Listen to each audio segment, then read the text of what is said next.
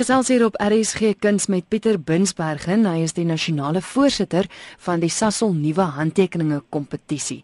Pieter, gewoonlik praat ek met jou vanuit Pretoria, maar die keer vanuit Port Elizabeth. Ja, ek het um, laas jaar of die einde van laas jaar Port Elizabeth toe getrek hier na die baai toe. Fantasties. En uh, ek was oorspronklik by die Universiteit van Pretoria, maar ek het 'n senior lektoraat aanvaar um, in skilderkuns hier onder by NMMU in Port Elizabeth. So ons se sak en pak af Oos-Kaap toe. Maar oh, hoekom nie? Ja, hoekom nie? Dis die 25ste jaar wat die Sasol nuwe handtekeninge kompetisie aangebied word.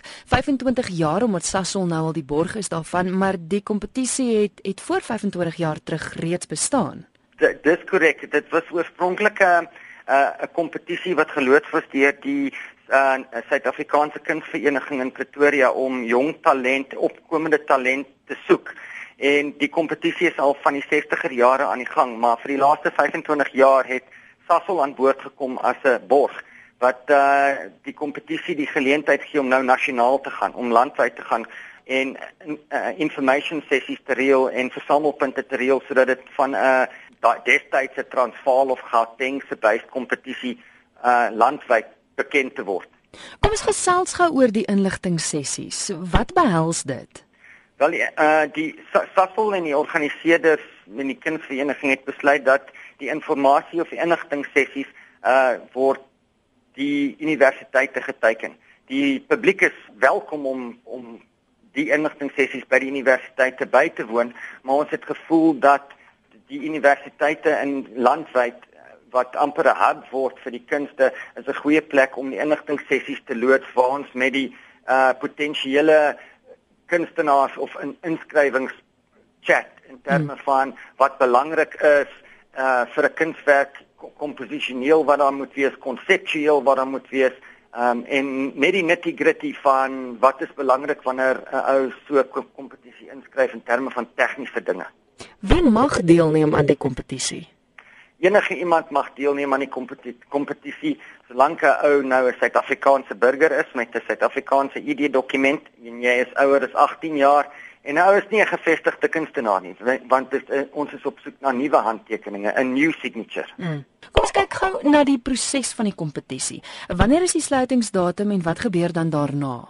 Die inligtingsessies begin hierdie jaar by die Universiteit van Stellenbosch op die 15de April en dit is vir ons nogal nice want dis die dag wat ons nou World Art Day noem. So die hele kompetisie en en en die dryf daar agter begin op die 15de April in Stellenbosch which is World Art Day. Mm. En die datums wanneer die werk ingehandig moet word by die verskeie versamelpunte is die 15de en die 16de Julie 2014 en dan kom die streeksbeoordeling tussen die 21ste en die 30ste Julie by die verskillende versamelpunte waar streekskering plaasvind kom stadte vir dan die werke. Hulle is ook een van die borge hulle kom die werke vir ons Pretoria te vervoer waar die top 100 in inverted commas uh, of ons fin finaliste se werk alles by Pretoria Kunsmuseum aankom. En op die 18de Augustus is daar 'n finale keuringsproses waar ons die wenners uitsoek uit die finaliste. En dit word dan by die openingsaand van die 3de September bekend gemaak die uitstalling open dan vir die publiek vanaf die 4de September tot die 19de Oktober van 2014. Hoe maak mens 'n keuse? Ek weet is nou eers die streeksbeoordeling wat gebeur en en mm -hmm. dan, maar hoe kies mense wenner uit al die magtomwerk wat inkom? Waarna kyk julle?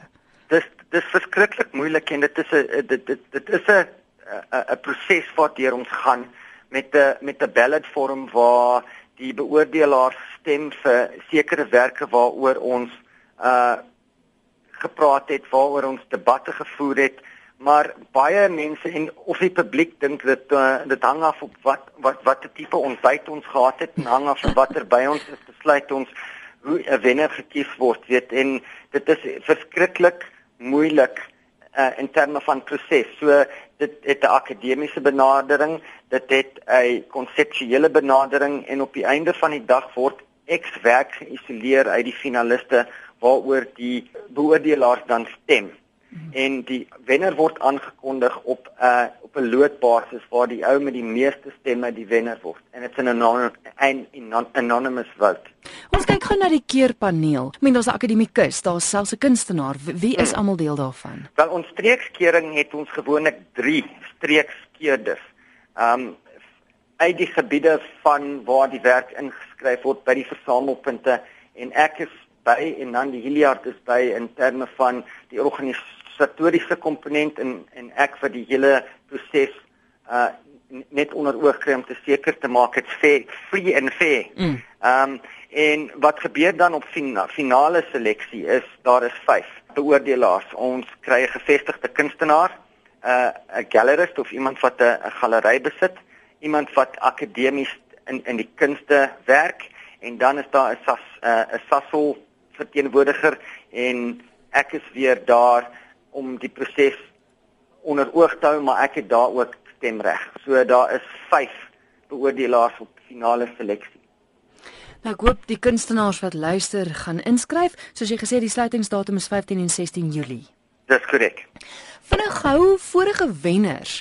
Hulle werk gaan ook uitgestal word by die finale 100 kunstenaars en waar die wenner aangekondig gaan word, daar gaan van hulle werk ook te sien wees, nou vorige jaar se wenners. Ja, dis korrek. Ehm um, een van die mees belangrikste komponente van die kompetisie is dat die borgers en die organiseerders is geïnteresseerd om te sien wat gebeur met die kunstenaars na die nadat die ouens sulke kompetisies wen. Mm. So sustainability word 'n belangrike komponent van die uitstalling en dit is belangrik om uh loopbane te bevorder na die kompetisie. Weet in die verlede het ons agterkom party ouens verdwyn dalk. Uh dis nie nie, nie noodwendig vaar nie, maar ons soek 'n platform of skep daai platform om die kunstenaars terug te bring. Soos soos laas jaar, uh hierdie jaar 2014 sal Dot Vermeulen wat die wenner was in 2013 'n solo uitstalling hê saam met die nuwe handtekening by die opening van uh die kompetisie in Pretoria. Maar wat ook interessant is en belangrik is, is dat die 2012 se wenners Ingrid Bolton en Company op die oomblik 'n uitstalling het by die Sassel Museum in Reineveldstraat in Stellenbosch mm. en daai uitstalling is tans aan die gang en tot en met die 29ste Maart 2014. So die 2012 wenners is nog steeds op die op die map en mm. in, in in in die limelight in terme van loopbane bou vir die kunstenaars. Vir enige navrae Pieter, hoe maak mense? Waar kry hulle inligting rondom die inskrywingsvorms en Die inskrywingsvorms verkrygbaar aanlyn by sesselsignatures.co.za of vir navrae kan hulle die kunsvereniging Pretoria kontak. Ehm um, en verder is inskrywingsvorms beskikbaar by versa verskeie versamelpunte en by die inligtingssessies landwyd. Indien 'n kunstenaar nou luister na die onderhoud en erns dink hulle, "Mmm, miskien moet ek inskryf." Het jy enige raad vir so iemand? Uh my raad vir so iemand is om om indien moontlik by 'n inligtingssessie uit te kom. Ons kom ons kom agter dat die ouens wat die inligtingssessies bywoon verstaan wat die kompetisie behels, wat konseptueel na gesoek word in terme van 'n uh, wenwerk want ons is in die besigheid van kommunikasie en hoe die kunstwerk kommunikeer en ons zeitgeist of ons gees van ons tyd reflekteer. En die inligtingssessies uh gee hierdie tipe inligting oor aan die publiek in terme van wat waarna soek die kompetisie konseptueel na watter tipe werk, hoe moet die werk voorberei word, hoe moet dit uitgestal word, hoe moet dit verpak word en so voort.